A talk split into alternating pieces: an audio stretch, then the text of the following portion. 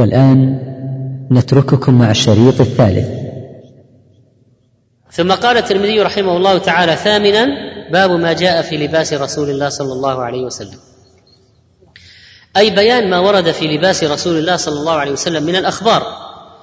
وأردف الأبواب السابقة الترجل والخضاب وغيرها بهذا الباب لأنها جميعا في الحلية الظاهرة وهي أيضا من أنواع الزينه كما قال الباجوري. واللباس تعتريه الأحكام الخمسة. فيكون واجبا كاللباس الذي يستر العورة ويكون مستحبا كالتجمل بالثياب للعيدين والجمعة ومجامع الناس والثوب الأبيض. ويكون محرما كلباس الحرير للرجال ولباس الشهرة للجنسين. حرام. ويكون مكروها كلباس الخلق للغني دائما. يعني واحد دائما غني دائما يلبس ثوب مرقع. إن أثر أين أثر نعمة الله عليك؟ ويكون الثوب مباحا فيما عدا ما تقدم. قال عن أم سلمة رضي الله عنها قالت كان أحب الثياب إلى النبي صلى الله عليه وسلم القميص. حديث صحيح. ما هو وجه الحب هذا؟ وجه أحبية القميص إليه عليه الصلاة والسلام أنه أستر للأعضاء من الإزار والرداء ولأنه أقل مؤونة. وأخف على البدن من الرداء والإزار. اللذين يحتاجان كثيرا إلى الربط والإمساك وغير ذلك. ولأن لبسه أكثر تواضعا كما قال صاحب المرقاه ونيل الأوطار القاري والشوكاني ما هو القميص؟ هو الثوب أشبه شيء به الثوب الذي نلبسه اليوم. هذا هو القميص. قال الشيخ محمد بن صالح بن عثيمين رحمه الله كانوا في عهد رسول الله صلى الله عليه وسلم يلبسون الإزار والرداء أحيانا وأحيانا يلبسون القميص. وكان النبي صلى الله عليه وسلم يحب القميص لأنه أستر ولأنه قطعة واحدة يلبسها الإنسان مرة واحدة. فهي أسهل من أن يلبس الإزار اولا ثم الرداء ثانيا. ولكن مع ذلك يقول الشيخ لو كنت في بلد يعتادون لباس الأزر والأردية ولبست مثلهم فلا حرج. والمهم ألا تخالف لباس أهل بلدك فتقع في الشهرة. وقد نهى النبي صلى الله عليه وسلم عن لباس الشهرة. قال وعن معاوية بن قرة عن أبيه قال أتيت رسول الله صلى الله عليه وسلم في رهط من مزينة لنبايعه وإن قميصه لمطلق غير مزرر محلول الأزرار. أو قال زر قميصه مطلق قال فأدخلت يدي في جيب قميصه فمسست الخاتم خاتم النبوة. في رهط أي مع طائفة. وفي تأتي بمعنى مع كما في قوله تعالى ادخلوا في أمم يعني مع أمم. والرهط قوم الرجل وقبيلته. ويطلق في العدد من الثلاثة إلى العشرة. وقيل إلى الأربعين. أتيت في رهط من مزينة قبيلة من مضر. وإن قميصه لمطلق غير مزرور أدخل يده في جيب قميصه. ما هو الجيب؟ قلنا القميص الآن مثل الثوب. ما هو الجيب؟ ما يقطع من الثوب لإخراج الرقبة والأعضاء. ما يقطع من الثوب لإخراج الرقبة واليدين. يعتبر جيبا. يسمى جيبا. قال الحافظ رحمه الله أدخلت يدي إلى آخره يقتضي أن جيب قميصه كان في صدره لما في صدر الحديث أنه رؤي مطلق القميص أي غير مزرور اذا أين ستكون الفتحة؟ في جهة الصدر. و... ونحن نعرف الفتحة الثياب بعض الثياب ترى الفتحة جهة الصدر الفتحة. والازرار قد تكون على هذا الشكل. مثلا تزرر وتكون الأزرار لتوسيع الفتحة ثم تضيق الفتحة بعد اللبس. وقوله فأدخلت يدي ليتمكن من الوقوف على خاتم النبوة ومن هو الصحابي؟ من هو الصحابي؟ لا سلمان جاء في حديث آخر. معاوية. فالحديث لمعاوية ابن قرة أصلا. قال المناوي الظاهر أن معاوية كان يعلم الخاتم وإنما أدخل يده للتبرك بمسه أو للإخبار لإخبار من لم يره أنه لمسه. قوله فمسست أي لمست الخاتم خاتم النبوة وفي زيادة لأبي داود. قال عروة فما رأيت معاوية ولا ابنه قط إلا مطلقي أزرارهما في شتاء ولا حر ولا يزرران أزرارهما أبدا. رواه داود وحديث صحيح. فالآن السؤال هل ترك التزرير سنة؟ هل ترك تزرير القميص سنة؟ الجواب لا. لأنه فعله للحاجة من حر ونحوه فكك الأزرار فك الأزرار. لكن انه يمشي الإنسان بين الناس والأزرار مفكوكة لا.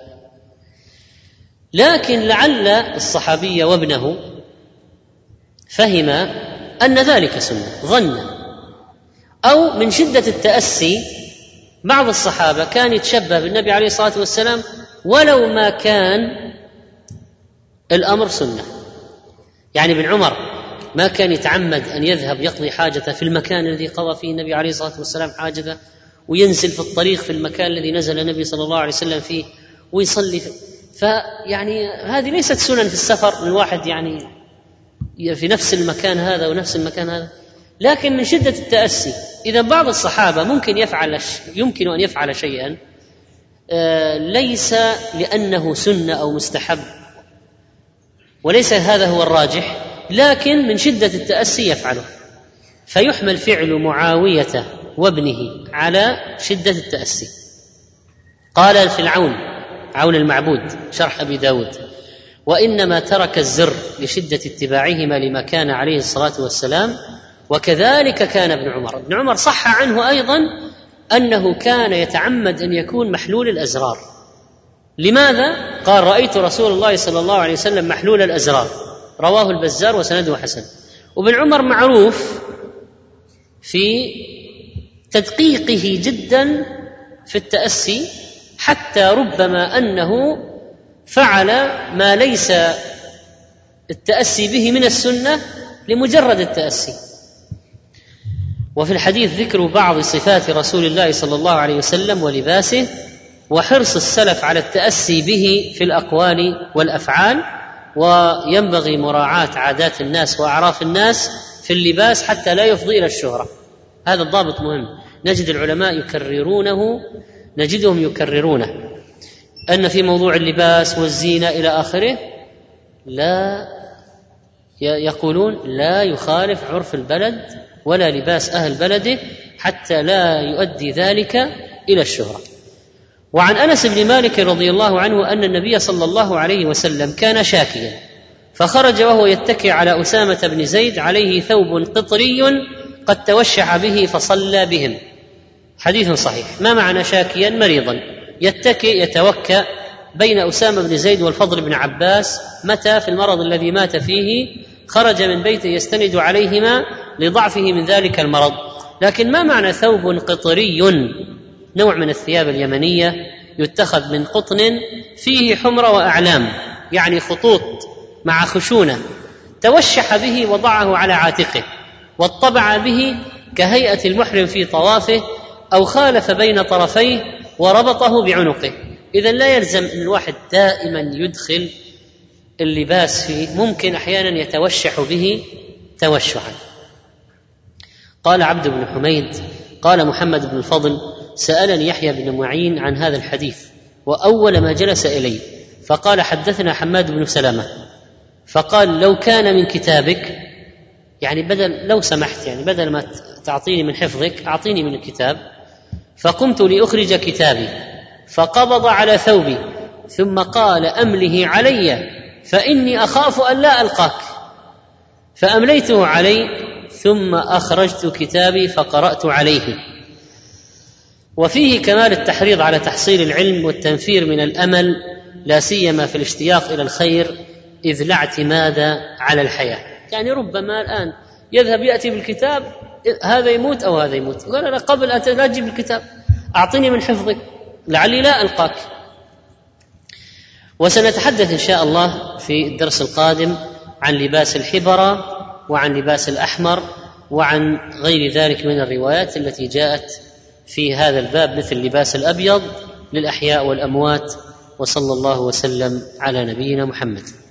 الحمد لله رب العالمين والصلاة والسلام على نبينا محمد وعلى آله وصحبه أجمعين وبعد. فقد قال الإمام الترمذي رحمه الله تعالى في كتابه الشمائل المحمدية عن أبي سعيد الخدري رضي الله عنه قال كان رسول الله صلى الله عليه وسلم إذا استجد ثوبا سماه باسمه عمامة أو قميصا أو رداء ثم يقول اللهم لك الحمد كما كسوتنيه أسألك خيره وخير ما صنع له وأعوذ بك من شره وشر ما صنع له حديث صحيح. ومعنى إذا استجد يعني لبس ثوبا جديدا. ومعنى سماه باسمه أي اسمه المتعارف عليه سواء كان عمامة أو قميصا أو رداء أو سراويل أو خف أو إزار ونحو ذلك. وهذه أمثلة. ومعنى سماه باسمه الآن أن يقول مثلا إذا جيء بالثوب الجديد أو أتى بالثوب الجديد ليلبسه يقول رزقني الله أو أعطاني عمامة قميصا جوارب شماغ غترة بدلة قميص. أو يقول مثلا هذا كذا هذا كذا هذا كذا يسميه باسمه. ثم يقول اللهم لك الحمد كما كسوتنيه أسألك خيره وخير ما صنع له. ما هو خير الثوب؟ أسألك خيره. ما هو خير الثوب؟ بقاؤه من خيره. نقاؤه من خيره. طيبه من خيره. طهارته من خيره. كونه يقي الحر والبرد من خيره. التجمل به من خيره. أسألك خيره وخير ما صنع له من أجله من الحر والبرد وستر العورة. فاذا خيره بقاءه نقاءه كونه ملبوسا للحاجة والضرورة وخير ما صنع له للوقاية من الحر والبرد وستر العورة. يسأل الله الخير في هذه الأمور. ومن الأشياء الطيبة والخير العظيم أن يكون هذا الثوب عونا على الطاعة والعبادة فيستر عورته للصلاة ويتزين به المسجد ونحو ذلك. قال وأعوذ بك من شره وشر ما صنع له. من شره مثل كونه حراما أو نجسا أو لا يبقى زمانا طويلا أو يضايقه عند لبسه وينغص عليه أو يكون سببا للمعاصي والشرور أن يكون ثوب شهرة أن يكون مشابها للباس الكفار أن يفتن به لأنه قد يلبسه الشاب فيفتن به وقد تلبسه المرأة فتفتن به أو تفتن به أو يفتن به. فإذا الثياب تفتن الآخرين. كما تفتن الشخص نفسه فيكون مثلا في خيلاء أو في كبر أو في غرور نتيجة الملابس. لأن قارون مثلا ونحوه من الناس المتكبرين ربما يلبس الثوب فيمشي به اشرا بطرا متبخترا بين بردين تعجبه نفسه وللأرض منه وئيد فربما يخسف الله به. فاذا قد يكون الثوب سببا للشر أو العجب والغرور والفخر والخيلاء والكبر واحتقار الآخرين ونحو ذلك. ولذلك من الأدعية النبوية اللهم لك الحمد كما كسوتنيه فهو يعترف لله بالفضل أسألك خيره وخير ما صنع له وأعوذ بك من شره وشر ما صنع له. وهذا الحديث يدل على استحباب حمد الله تعالى عند لبس الثوب الجديد. قال وعن أنس بن مالك رضي الله عنه قال كان أحب الثياب إلى رسول الله صلى الله عليه وسلم يلبسه الحبرة. حديث صحيح وأيضا رواه الشيخان. الحبرة بوزن عنبة عنبة برد يماني موشى مخطط مزين من برود اليمن تصنع من قطن كانت من أشرف الثياب لديهم في ذلك الوقت. سميت حبرة لأنها تحبر. معنى تحبر يعني تزين. مثل ما قال أبو موسى لو أعلم أنك تسمع لحبرته لك تحبيرا. يعني لحسنت صوتي وجملته وزينته لك يا رسول الله يعني من أجل سماعك ولي وليدخل السرور عليك وأنت تسمع. لتسر من قراءتي أكثر. وهذا الحديث يدل على استحباب لباس ثوب الحبرة وهو الثوب المخطط. والحبرة كانت أحب الثياب إلى رسول الله صلى الله عليه وسلم. وهل يعارض هذا ما تقدم من أن أحب الثياب إليه عليه الصلاة والسلام فيما سبق ذكره؟ كان القميص. فقال بعض العلماء إن القميص كان أحب إليه بالنسبة لما خيط. وهذا بالنسبة لما يرتدى به أو أن محبته للقميص كانت كانت حين يكون عند نسائه والحبره كانت حين يكون بين صحبه. ولعل هذا بالنظر إلى راوي الحديث. فمن الذي قال إنه كان إن أحب الثياب إليه القميص؟ أم سلمة. ومن الذي روى أن أحب الثياب إليه الحبره أنس. فإذا أم سلمة من أهل بيته فلعله كان إذا كان في البيت القميص وإذا كان بين أصحابه الحبرة. على أية حال كان عليه الصلاة والسلام يحب هذين النوعين من اللباس. وابن القيم رحمه الله قال وكان أحب الثياب إليه القميص والحبرة. فجمع بينهما. والحديث يدل على مشروعية لباس الزينة من الثياب إذا كان مما يعتاد لبسه وليس من الشهرة. قال ابن القيم رحمه الله فالذين يمتنعون عما أباح الله من الملابس والمطاعم والمناكح تعبدا وتزهدا بإزائهم طائفة قابلوهم فلا يلبسون إلا أشرف الثياب ولا يأكلون إلا اريل الطعام فلا يرون لبس الخشن ولا أكله تكبرا وتجبرا. وكلا الطائفتين مخالف لهدي صلى الله عليه وسلم ولهذا قال بعض السلف كانوا يكرهون الشهرتين من الثياب. العالي والمنخفض. لماذا؟ لأن العالي يلفت الأنظار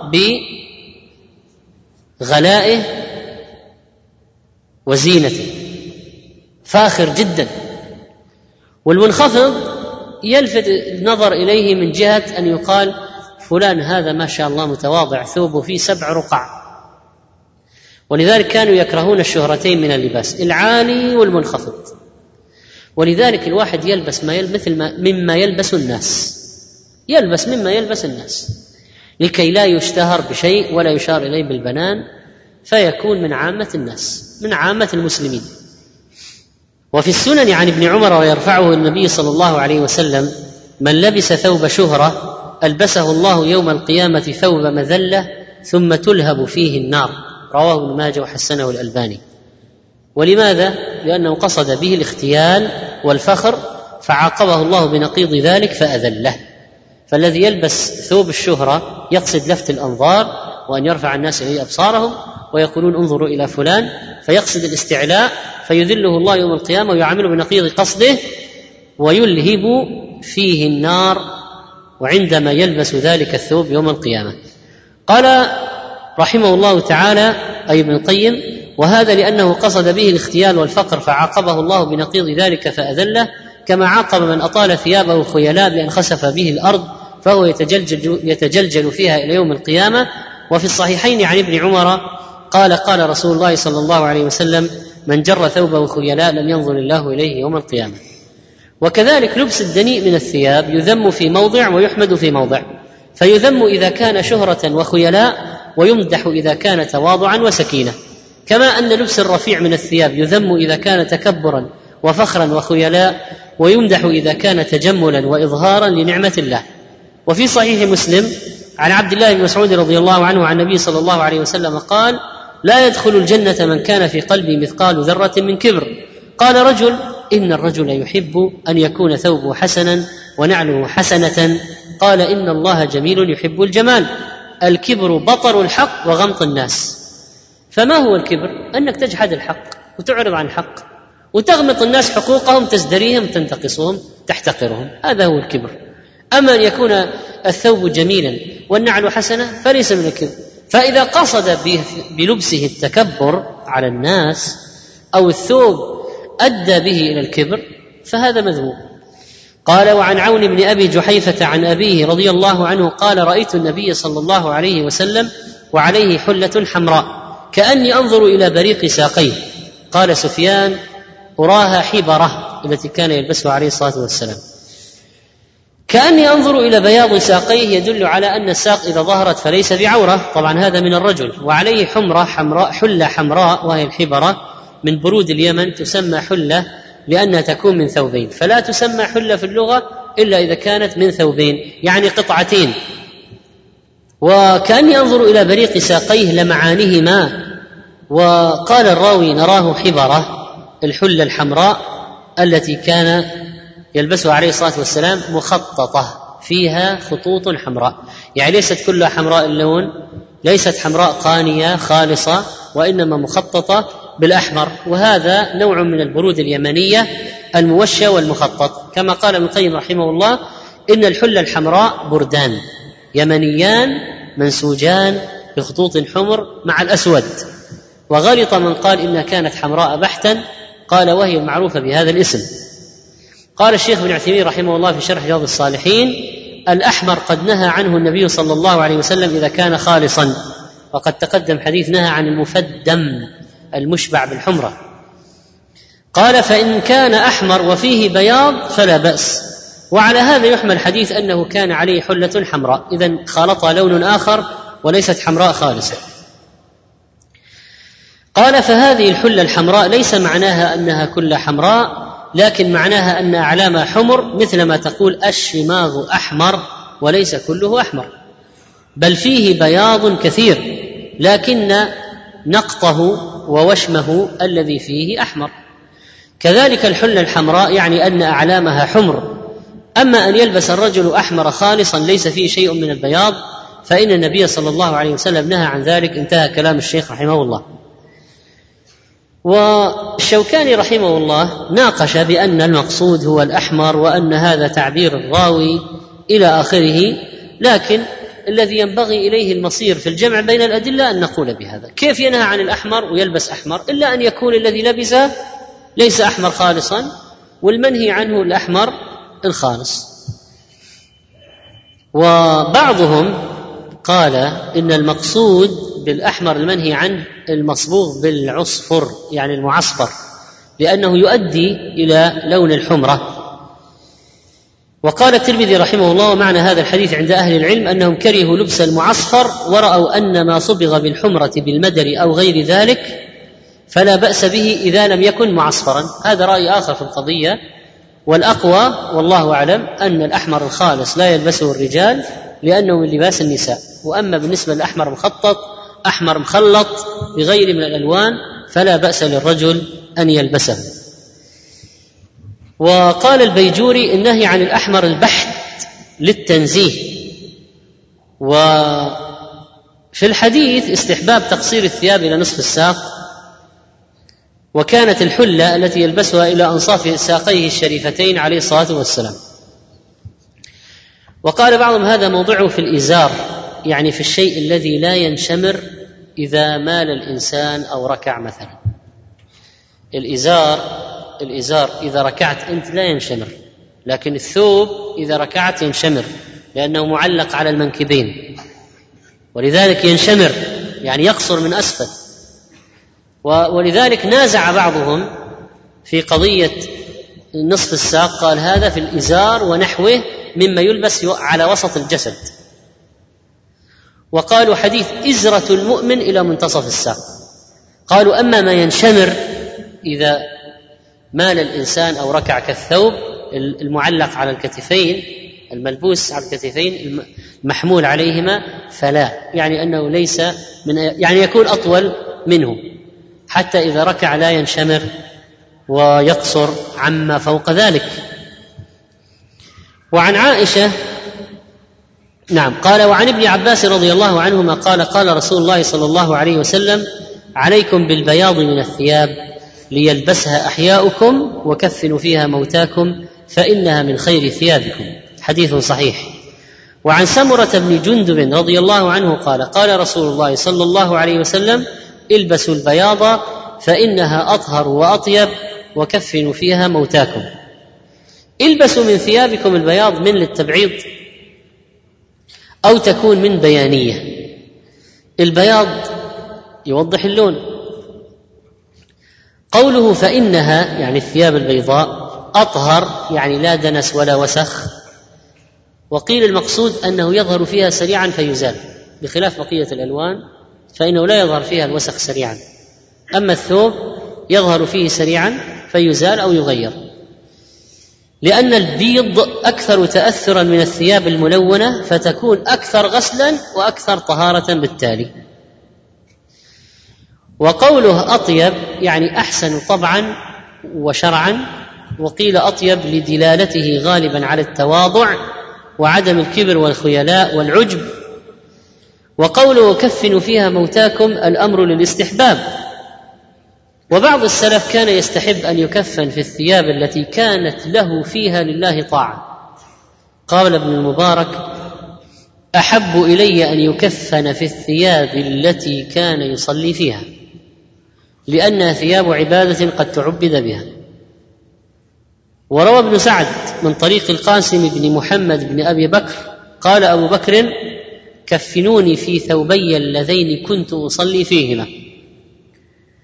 كذا في فتح الباري. وفي تذكرة الحفاظ للذهبي قال الزهري إن سعدا لما احتضر دعا بجبة صوف وقال كفنوني فيها فإني قاتلت فيها يوم بدر إنما خبأتها لهذا. يعني تكون هذه الثياب التي قاتلت فيها يوم بدر تكون هي كفني. وبعضهم ربما يوصي بأن يكفن بإزار ورداء الحج الذي حجه. على حال هذا منقول عن السلف. والاستحباب باللون من ناحية الكفن كما نص عليه الحديث الأبيض. وعن عائشة قالت خرج رسول الله صلى الله عليه وسلم ذات غداة وعليه مرط من شعر أسود. ذات غداة ذات يوم وذات ليلة عليه مرط كساء يكون تارة من صوف وتارة من شعر أو كتان أو خز. وهو كساء يؤتزر به كما قال الخطابي. والمرط تلبس تلبسه النساء أو بعض أنواعه يلبسه النساء ولا يمنع أن تكون بعض الأشياء كانت تلبس من قبل النساء أو الرجال لكن كل على تفصيل أو على هيئة خاصة به. وعن المغيرة بن شعبة أن النبي صلى الله عليه وسلم لبس جبة رومية ضيقة الكمين. لبس كان ذلك في السفر. جبة اللباس معروف لباس معروف للناس في ذلك الوقت.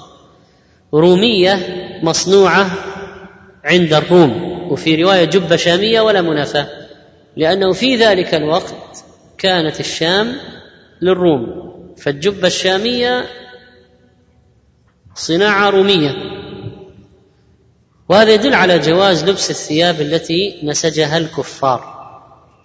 تستورد من بلاد الكفار. ضيقة الكمين. وكان ذلك في غزوة تبوك. والحديث يدل على الانتفاع بثياب الكفار إلا إذا تحقق نجاستها فلا بد أن يغسلها. كونه لبسها ولم يستفصل هل هي نجسة ولا لا؟ يدل على أن الأصل في الأشياء الطهارة.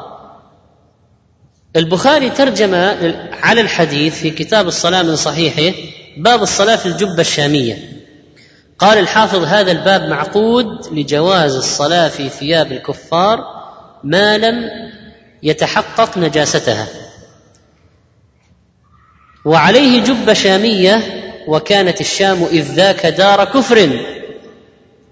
والنبي صلى الله عليه وسلم لبسها ولم يستفصل كما تقدم. ولماذا لبس الثوب الضيق أو ضيق الكمين؟ لأنه أعون في السفر. ومؤونته قليلة. بخلاف ما قلت أكمام واسعة وهي تنزلق وتنشمر وتحتاج إلى كف أحيانا فيكون الثوب ذو الكمين الضيقين في السفر أعون. مثل الأكمام المزررة الآن مثلا بعض الأكمام المزررة أو لها كبك مثلا. على أية حال وصف الصحابة النبي صلى الله عليه وسلم في شعره. ولونه وجلده وثيابه. ومما وصفوه أيضا وصفوا نعليه وخفيه. جاء وصفه بدقة عجيبة. ما في وصف لشخص يعني آخر في التاريخ. استعرض كتب التاريخ. ما تجد واحد وصف في التاريخ مثل ما وصف النبي عليه الصلاة والسلام. يعني بهذه الدرجة وعدد الشعرات البيضاء في لحيته أو في شعر أو في رأسه وصدغيه. قال الترمذي باب ما جاء في خف رسول الله صلى الله عليه وسلم. عن عبد الله بن بريدة عن أبيه أن النجاشي أهدى إلى النبي صلى الله عليه وسلم خفين أسودين ساذجين فلبسهما ثم توضأ ومسح عليهما. حديث صحيح. أما النجاشي فمعناها ملك بلسان الحبشة. كما أن خاقان معناها ملك بلغة الترك وكسرى معناها ملك بلغة الفرس وقيصر معناها ملك بلغة الروم والمقوقس معناها ملك بلغة الإسكندرية وفرعون معناها ملك بلغة القبط مصر.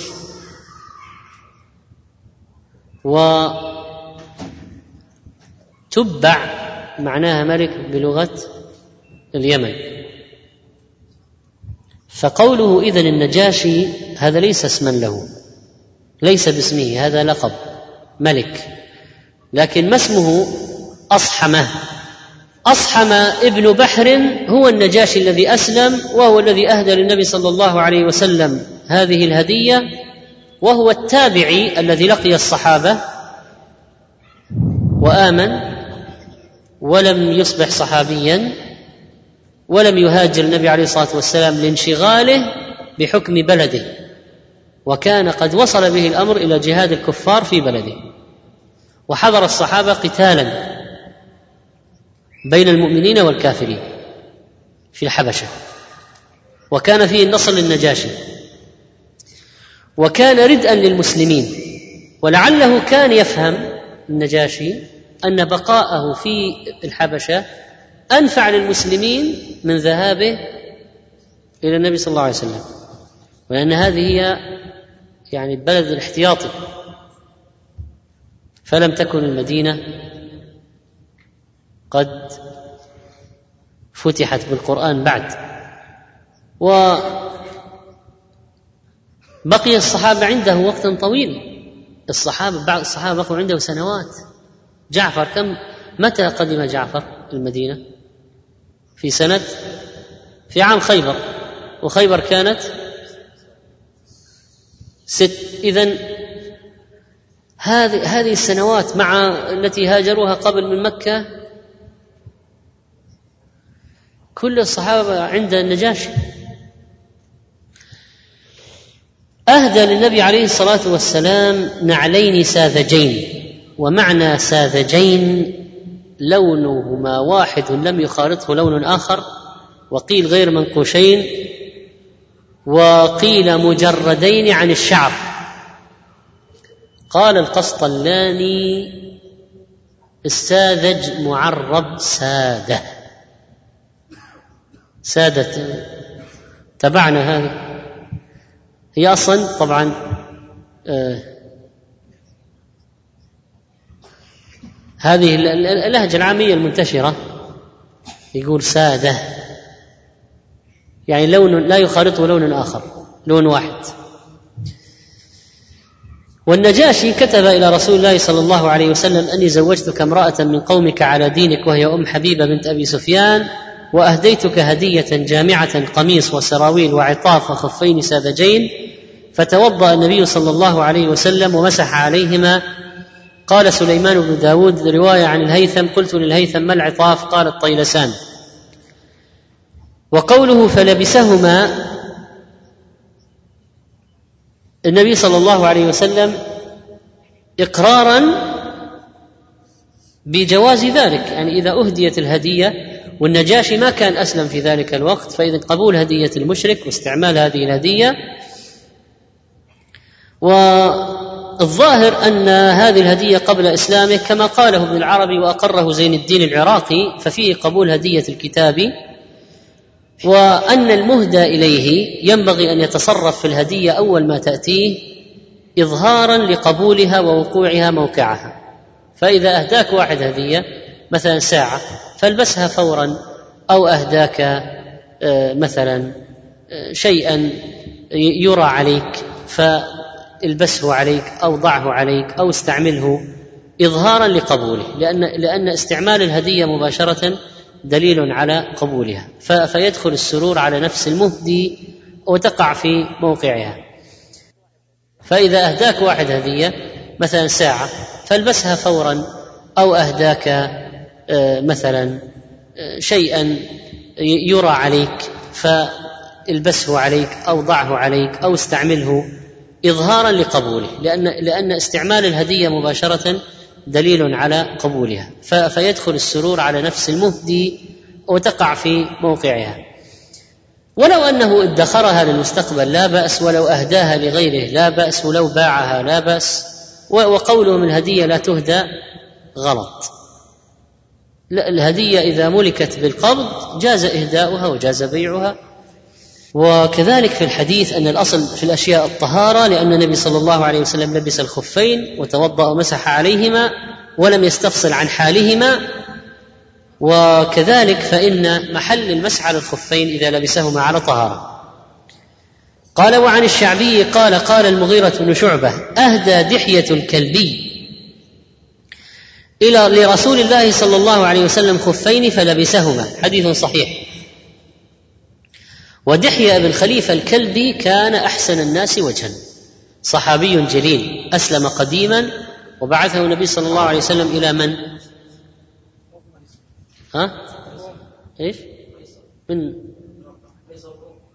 بعثه إلى قيصر الروم أحسنت بعثه رسولا برسالة إلى قيصر الروم واسمه هرقل فقيصر لقب كما قلنا معناه ملك واسمه هرقل. وكان رسول رسول الله صلى الله عليه وسلم. وقد وصل إلى هرقل في محرم سنة سبع. وبعثه النبي صلى الله عليه وسلم في آخر سنة ست. ثم قال رحمه الله باب ما جاء في نعل رسول الله صلى الله عليه وسلم عن قتادة قال قلت لأنس بن مالك كيف كان نعل رسول الله صلى الله عليه وسلم؟ قال لهما قبالان حديث صحيح ورواه مسلم. القبالان تثنية قبال ويسمى شسعا والشسع أحد سيور النعل. فالقبال هو السير الذي فيه الشسع وما هو الشسع؟ الذي يكون بين أصبعي الرجل. هل رأيت هذه الجلدة؟ التي تدخل بين أصبعي. الرجل تسمى شسعا والقبالان تثنية قبال. قال الحافظ ابن حجر رحمه الله القبال هو الزمام وهو السير الذي يعقد فيه الشسع الذي يكون بين اصابع أي بين أصبعي الرجل. قال ابن الأثير كان لنعل رسول الله صلى الله عليه وسلم سيران. يضع أحدهما بين إبهام رجله والتي تليها ويضع الآخر بين الوسطى والتي تليها. فاذا كان يدخل بين إصبعيه كان يدخل بين اصابعي أصابعه كم؟ سيران قطعتين من الجلد واحدة بين إبهام رجله والتي تليها والثانية بين الوسطى والتي تليها ومجمع السيرين إلى السير الذي على وجه قدمه صلى الله عليه وسلم وهو الشرك انتهى. وعن ابن عباس رضي الله عنهما قال كان لنعي رسول الله صلى الله عليه وسلم قبالان مثني شراكهما. معنى مثني من التثنية جعل الشيء اثنين والشراك أحد سيور النعل يكون على وجهها وعن عيسى بن طهمان قال أخرج إلينا أنس نعلين جرداوين لهما قبالان. فحدثني ثابت البناني بعد عن أنس أنهما نعلا النبي صلى الله عليه وسلم ورواه البخاري. ومعنى جرداوين يعني لا شعر عليهما استعير من الأرض الجرداء التي لا نبات لها وهكذا كانت نعال النبي عليه الصلاة والسلام يعني على الأقل أحد النعال التي لبسها جلد بدون شعر جلد بدون شعر. وأيضا لبس جلد أسود لا لون فيه آخر وأيضا لبس السبتية كما سيأتينا في الدرس القادم بمشيئة الله تعالى. وصلى الله على نبينا محمد. الحمد لله رب العالمين وصلى الله على نبينا محمد وعلى آله وصحبه أجمعين. وبعد فكنا قد تكلمنا في صفة نعال رسول الله صلى الله عليه وسلم وأنه عليه الصلاة والسلام أهدي إليه خفين أسودين ساذجين فلبسهما ثم توضأ ومسح عليهما وقلنا إن معنى ساذجين أي سوداوين لم يخالطهما لون آخر. ثم قال المصنف رحمه الله وعن الشعبي قال المغيرة بن شعبة أهدى دحية الكلبي لرسول الله صلى الله عليه وسلم خفين فلبسهما وهو حديث صحيح. ثم الباب العاشر باب ما جاء في نعل رسول الله صلى الله عليه وسلم وحديث قتادة. قلت لأنس بن مالك كيف كان نعل رسول الله صلى الله عليه وسلم؟ قال لهما قبالان. وعرفنا أن القبال هو الشسع أحد سيور النعل. وحديث ابن عباس رضي الله عنهما قال كان لنعل رسول الله صلى الله عليه وسلم قبالان مثني شراكهما. وحديث عيسى بن طهمان قال أخرج إلينا أنس نعلين جرداوين لهما قبالان فحدثني ثابت البناني بعد عن أنس أنهما نعلى نبي الله صلى الله عليه وسلم ومعنى جرداوين يعني لا شعر لهما. ثم قال وعن عبيد بن جريج أنه قال لابن عمر رأيتك تلبس هذه النعال السبتية. قال إني رأيت رسول الله صلى الله عليه وسلم يلبسها ويتوضأ فيها فأنا أحب أن ألبسها. حديث صحيح رواه البخاري وهذا الحديث قد رواه البخاري مطولا عن عبيد بن جريج أنه قال لعبد الله بن عمر يا أبا عبد الرحمن رأيتك تصنع اربعا لم أر احدا من أصحابك يصنعها. قال وما هي يا ابن جريج؟ قال رأيتك لا تمس من الأركان إلا اليمانيين ورأيتك تلبس النعال السبتية ورأيتك تصبغ بالصفرة ورأيتك إذا كنت بمكة أهل الناس إذا رأوا الهلال ولم تهل أنت حتى كان يوم التروية. قال عبد الله أما الأركان فإني لم ار رسول الله صلى الله عليه وسلم يمس إلا اليمانيين. وأما النعال السبتية فإني رأيت رسول الله صلى الله عليه وسلم يلبس النعل التي ليس فيها شعر ويتوضأ فيها فأنا أحب أن ألبسها. وأما الصفرة فإني رأيت رسول الله صلى الله عليه وسلم يصبغ بها فأنا أحب أن أصبغ بها. وأما الإهلال فإني رأيت فإني الإهلال يعني التلبية التلبية. قال وأما الإهلال فإني لم أرى رسول الله صلى الله عليه وسلم يهل حتى تنبعث به راحلته. لم أرى احدا من أصحابك أصحاب النبي صلى الله عليه وسلم والمراد بعض الصحابة. والأركان هي أركان الكعبة الأربعة وظاهره أن غير ابن عمر من الصحابة الذين رآهم عبيد كانوا يستلمونها كلها وقد صح ذلك عن معاوية وابن الزبير. والزبير وعبد الله بن الزبير رضي الله عنه حقق أمنية كان النبي عليه الصلاة والسلام تمناها وهي أن يعاد بناء الكعبة على أساس إبراهيم عليه السلام ويزاد فيها الأذرع التي لم تستطع قريش أن تكملها في البناء. فإن إبراهيم الخليل لما بنى الكعبة لم تكن مثل ما هي الآن مربعة وإنما كانت مستطيلة. وحجارتها في الأرض كالأسنمة خضراء. لما كشف عن أساسات إبراهيم الخليل كانت مستطيلة. وكانت مكتملة وأركانها أربعة. ولما جاء السيل فهدمها في إحدى السنوات في الجاهلية أرادت قريش أن تعيد بناءها. أرادت قريش أن تعيد بناءها. ونذروا أن لا يستعملوا في بنائها إلا مالا حلالا. فلم يجدوا إلا سفينة ألقاها البحر في جدة أخذوا خشبها والنفقة التي جمعوها من مال حلال خالص لم تكفي لبناء كل الكعبة التي بناها إبراهيم عليه السلام فبنوا منها المساحة المبنية الآن. ورفعوا الباب وجعلوا يتحكمون في الدخول إلى الكعبة. فلما فتح النبي عليه الصلاة والسلام مكة وهدم الأصنام ودخل الكعبة وتمنى قال لولا أن قومك حديثو عهد بكفر لهدمتها وأعدتها إلى ما كان عليه بناء إبراهيم عليه السلام. زدت فيها ستة أذرع وسبعة أذرع الجهة التي تركتها قريش غير مبنية وأحاطوها بهذا القوس. الذي يسميه العامة حجر إسماعيل وهذه وهذه التسمية غير ثابتة. يسمى الحجر.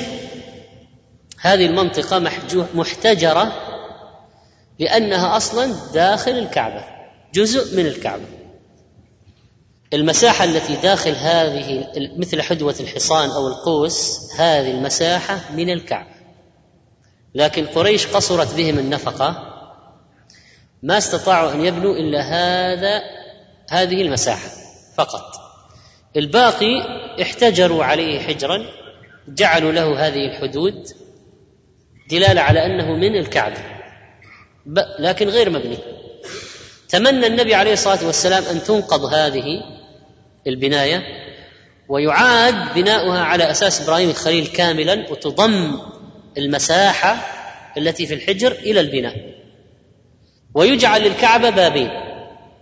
باب يدخل منه الناس وباب منه يخرجون وينزل مستوى الباب إلى الأرض. لكن النبي عليه الصلاة والسلام خشي أن تفتن قريش. الآن خارجين من جاهلية. حديث عهد بالإسلام. لو نقض الكعبة لقامت الدنيا فترك الأمر. مضى على هذا عهد أبي بكر الصديق وعهد عمر بن الخطاب وعهد عثمان وعهد علي رضي الله عنه حتى بويع ابن الزبير بالخلافة في الحجاز. بويع بالخلافة وصار له سلطان عظيم أقوى من سلطان بني أمية لكن كان أمر الله قدرا مقدورا. لما تولى عبد الله بن الزبير الصحابي نقض الكعبة وكان الناس يتهيبون من نقضها ولكن عبد الله بن الزبير قال إحنا لا نريد إلا الخير نحن نريد تحقيق أمنية النبي عليه الصلاة والسلام. واعاد بناءها على أساس إبراهيم الخليل كشفوا عن أساس إبراهيم الخليل الأحجار المسنمة الخضراء في أس أساس الكعبة وجعل لها بابين وأدخل فيها الحجر وصارت مستطيلة كما كانت. وإذ يرفع إبراهيم القواعد من البيت وإسماعيل على هذه الحدود وهذه حدود وحي بالوحي بالوحي وهكذا حصل بناء الكامل للكعبة. لما جرى أمر الله على عبد الله بن الزبير وجاء الحجاج وقصف الكعبة بالمنجنيق وقتل من الصحابة خلق كثير ودخل مكة واستولى عليها وأسقط حكم عبد الله بن الزبير. قال هذا المبتدع الضال غير البيت الذي كان على عهد النبي صلى الله عليه وسلم وأمر بهدمها وإعادتها كما كانت أيام قريش. لما صارت في عهد عبد الله بن الزبير كاملة عبد الله بن الزبير استلم الأركان الأربعة. طاف بالبيت واستلم الأركان الأربعة. لأن اكتملت لما جاء الحجاج أعاد هدمها وأعادها كما كانت على عهد قريش. ناقصة وهذا الحجر. لما جاء عهد هارون الرشيد في الدولة العباسية أراد أن يعيدها على بناء عبد الله بن الزبير. فقال مالك الإمام مالك يا أمير المؤمنين دع بيتا أسلم الناس عليه. لا تجعل بيت الله ملعبة للملوك. الآن أنت تبني ويجهد يهدم وتبني وتصير الكعبة ملعبة. كل جاء واحد يقول لا نرجعها مثل ما لا لابد أن نعيد. وها. فقال دع بيتا أسلم الناس عليه. خلاص أسلم الناس عليه وهو على هذه الحال. اتركه. واستمرت القضية حتى الآن حتى الآن. ما غيرت يعني ما زيد البنيان. لعل أمنية النبي عليه الصلاة والسلام أن يكون للكعبة بابين باب يدخل منه الناس باب يخرجون. أن هذه الأمنية تحققت بوجود الفتحة بين الحجر وبين الكعبة. في فتحة مثل الباب يدخل منه الناس. ومن أراد أن يصلي داخل الكعبة يصلي داخل الحجر أنه هذا داخل الكعبة ما يلزم يدخل من الباب المرتفع. فلو دخل وصلى داخل فهو داخل الكعبة باب يخرجون من الناحية الأخرى. وبالتالي لا الركنان اللذان بناهما إبراهيم الخليل حجر الأسود ركن اليماني فقط. الركنان الباقيان غير حقيقيين. يعني الثالث والرابع هذه ما هي هي الأركان الحقيقية لأن كان حقيقية في تكملة البناء. إذا مد كاملا هنالك يأتي الركن الثالث والرابع. لكن الآن ما في ثالث ورابع. وبعض الناس من جهلهم إذا أراد أن يطوف الكعبة دخل في الحجر هذا وطاف حول القماش الأسود. يظن نفسه يطوف حول الكعبة. هذا ما طاف حول هذا طاف حول جزء من الكعبة. فمن فعل هذا في حج أو عمرة فحجه غير صحيح وعمرته غير صحيحة لأنه ما طاف بالكعبة. طاف بجزء من الكعبة.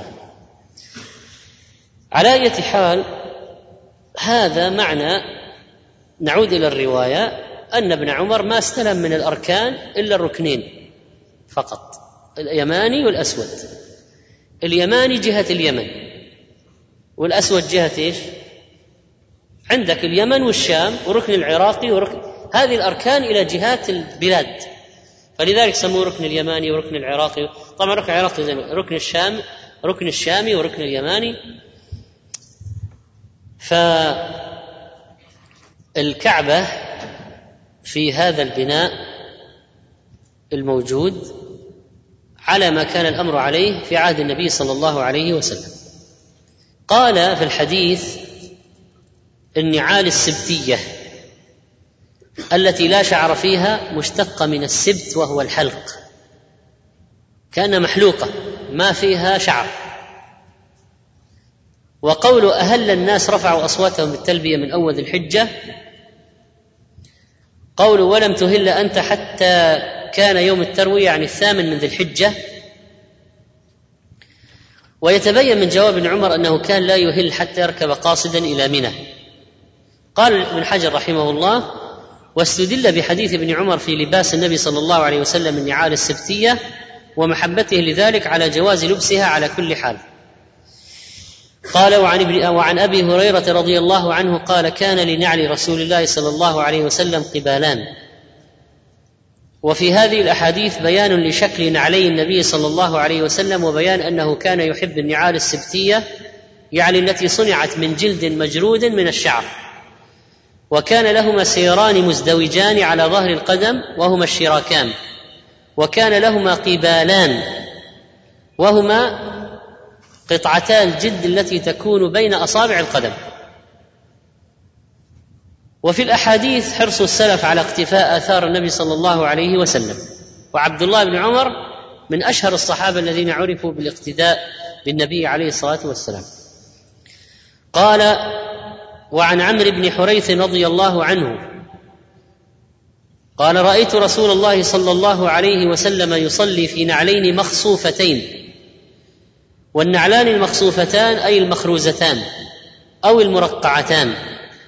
وهذا فيه بيان حال نعلي النبي صلى الله عليه وسلم وأنه كان متواضعا زاهدا في الدنيا لبس نعلين مخصوفتين وصلى فيهما وكان يقصف عليه بيديه عليه الصلاة والسلام.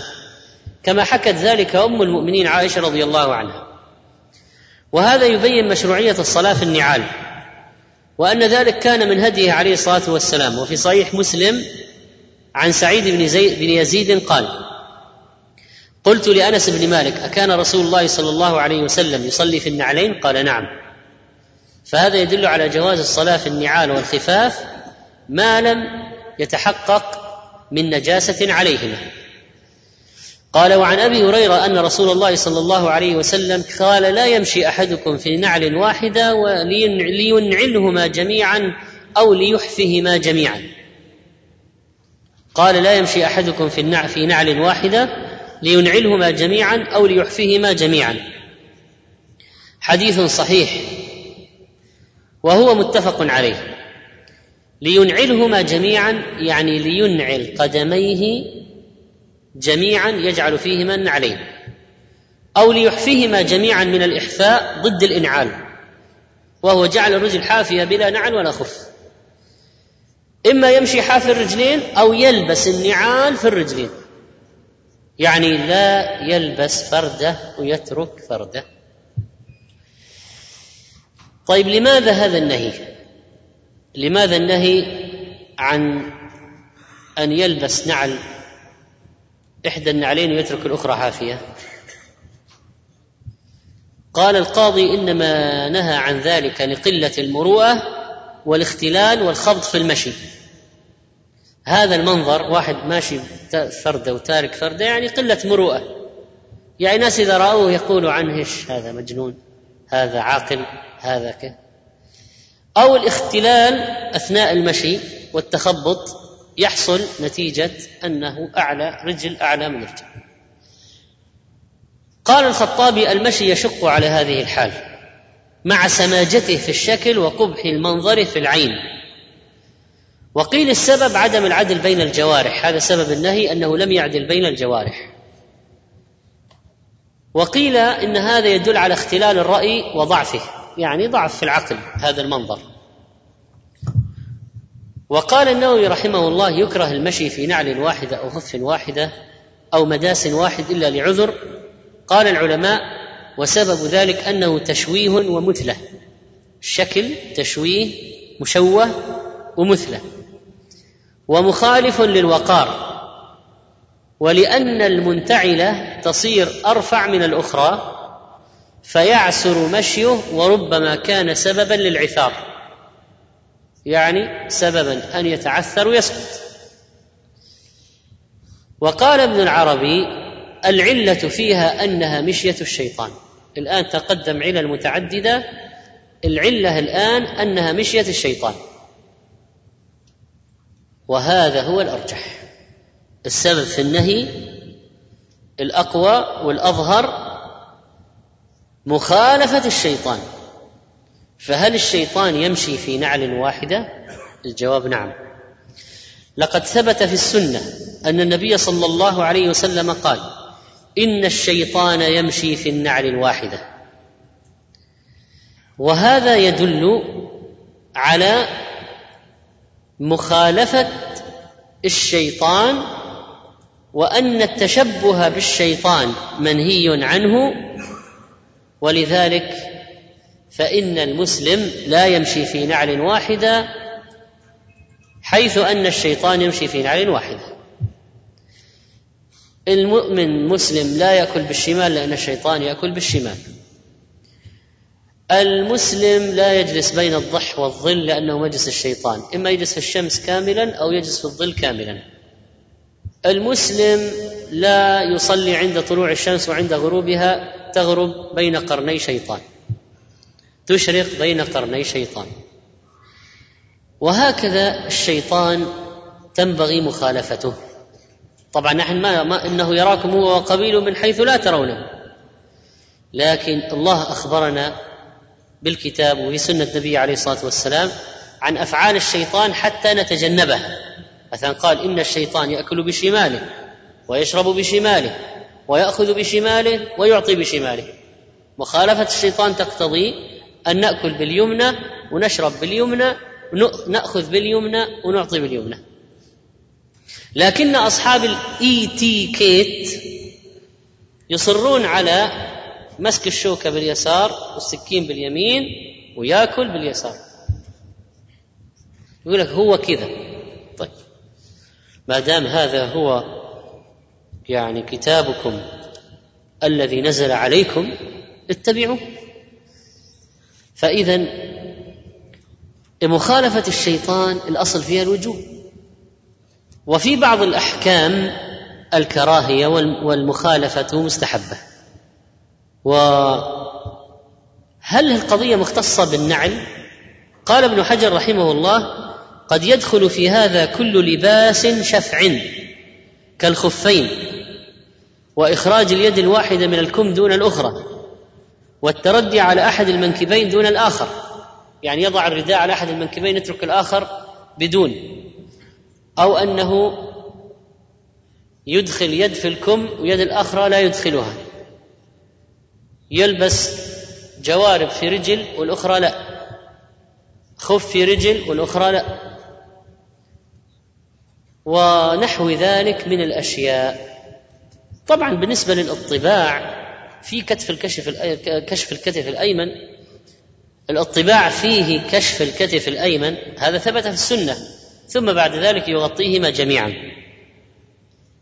وقد جاء النهي عن المشي في نعل واحدة في حديث لا يمشي أحدكم في نعل واحدة ولا خف واحد وهو عند مسلم من حديث جابر بلفظ إذا انقطع شسع أحدكم أو من انقطع شسع نعله فلا يمشي في نعل واحدة حتى يصلح شسعه ولا يمشي في خف واحد ولا يأكل بشماله ولا يحتبي بالثوب الواحد ولا يلتحف الصماء قال الحافظ رحمه الله وإلحاق إخراج اليد الواحدة من الكم وترك الأخرى بلبس النعل الواحدة والخف الواحد بعيد إلا إن أخذ من الأمر بالعدل بين الجوارح وترك الشهرة.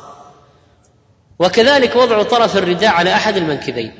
يعني هذا إذا جئته من باب العدل بين الجوارح ينبغي أن تعدل بين جوارحك فتلبس بالكمين وبالنعلين وإلى آخره.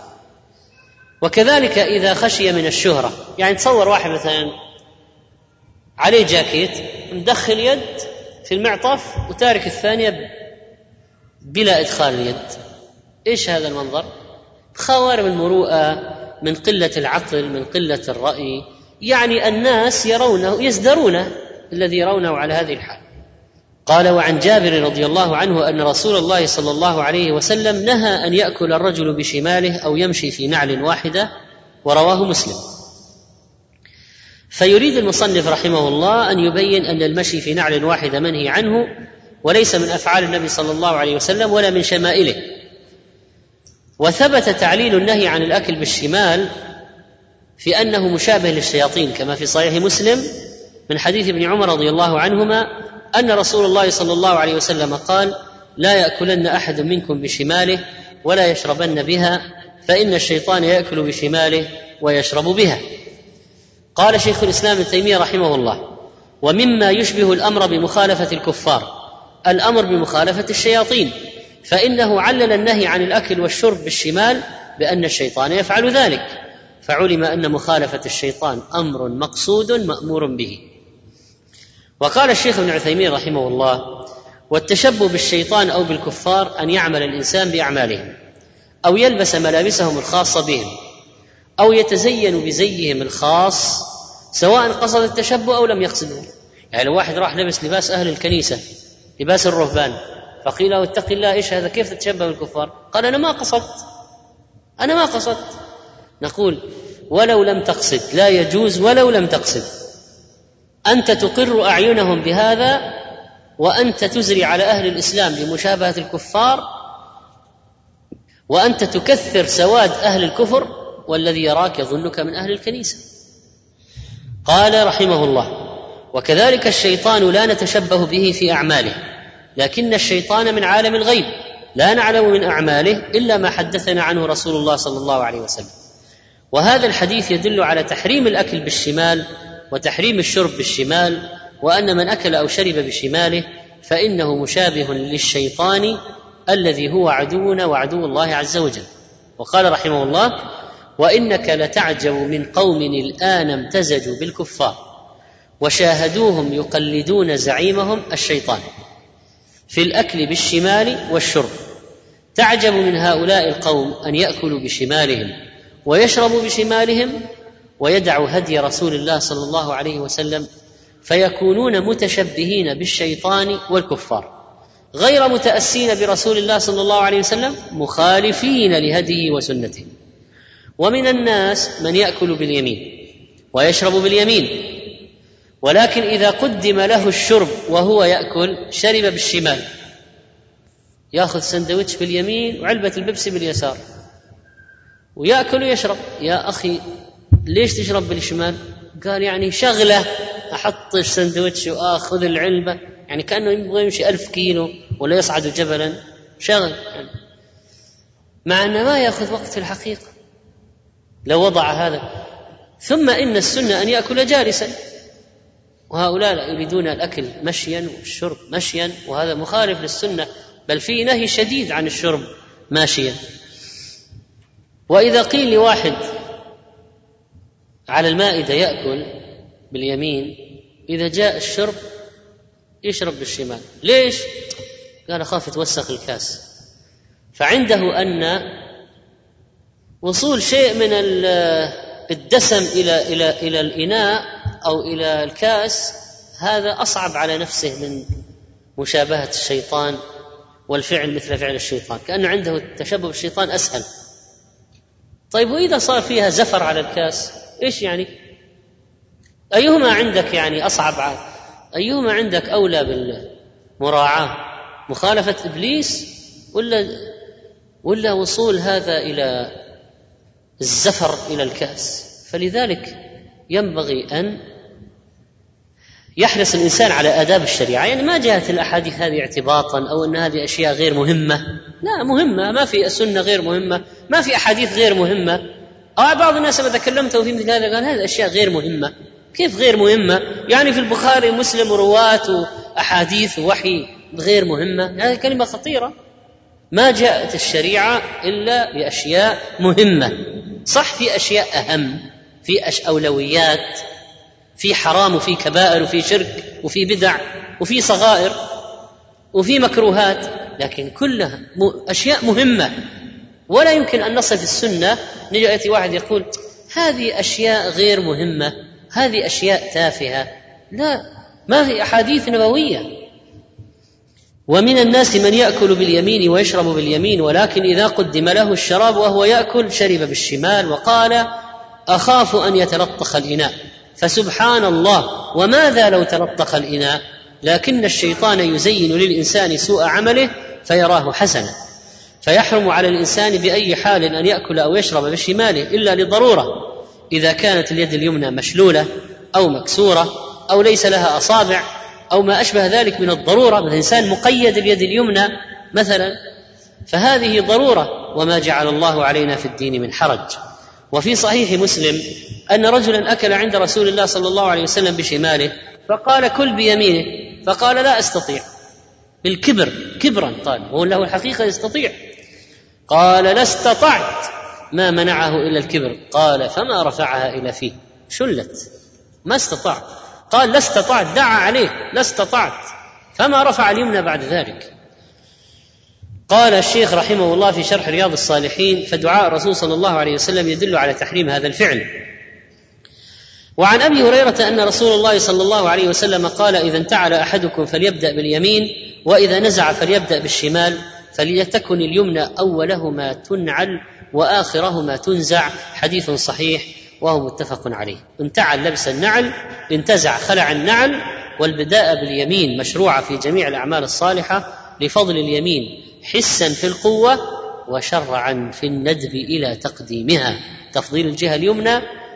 وقال النووي يستحب البداء باليمين في كل ما كان من باب التكريم أو الزينة. والبداء باليسار في ضد ذلك كالدخول إلى الخلاء ونزع النعل والخف والخروج من المسجد والاستنجاء وغيره من جميع المستقذرات. وقال الحليمي وجه الابتداء بالشمال عند الخلع أن اللبس كرامة لأنه وقاية للبدن فلما كانت اليمنى أكرم من اليسرى بدأ بها في اللبس وأخرت في الخلع لتكون الكرامة لها أدوم لتكون الكرامة لها أدوم وحظها منها وحظها منها أكثر. وقال ابن عبد البر من بدأ بالانتعال في اليسرى أساء لمخالفة السنة ولكن لا يحرم عليه لبس نعله. هذا مما يعلم الصبيان يعني ينبغي أن يؤدب عليه الأولاد كيف يبدأون باليمنى وبعد ذلك اليسرى. قال وعن عائشة رضي الله عنها كان رسول الله صلى الله عليه وسلم يحب التيمم ما استطاع في ترجله وتنعله وظهوره. وقد سبق شرح هذا الحديث وأنه عليه الصلاة والسلام كان يجعل لترجيل الشعر وتسريح الشعر ودهن الشعر يبدأ بالشق الأيمن وفي الغسل وفي الحلق يبدأ بالشق الأيمن. وكل ما كان من باب العبادة أو التكريم أو التزيين نبدأ به باليمين. وإذا كان في الأمور المستقذرات والمستخبثات نستعمل الشمال قاعدة الشرع المستمرة استحباب البداءة باليمين في كل ما كان من باب التكريم والتزيين وما كان بضدهما استحب فيه التياسر. وقلنا كيف أن الوضوء يكون في اليمنى و من أعضاء الوضوء ما لا يكون فيه تيامن كمسح الرأس والأذنين تمسح اليمنى مع اليسرى. سويا. ذكر أهل السير أن عبد الله بن مسعود صاحب رسول الله صلى الله عليه وسلم كان صاحب النعلين والوساد والمطهرة.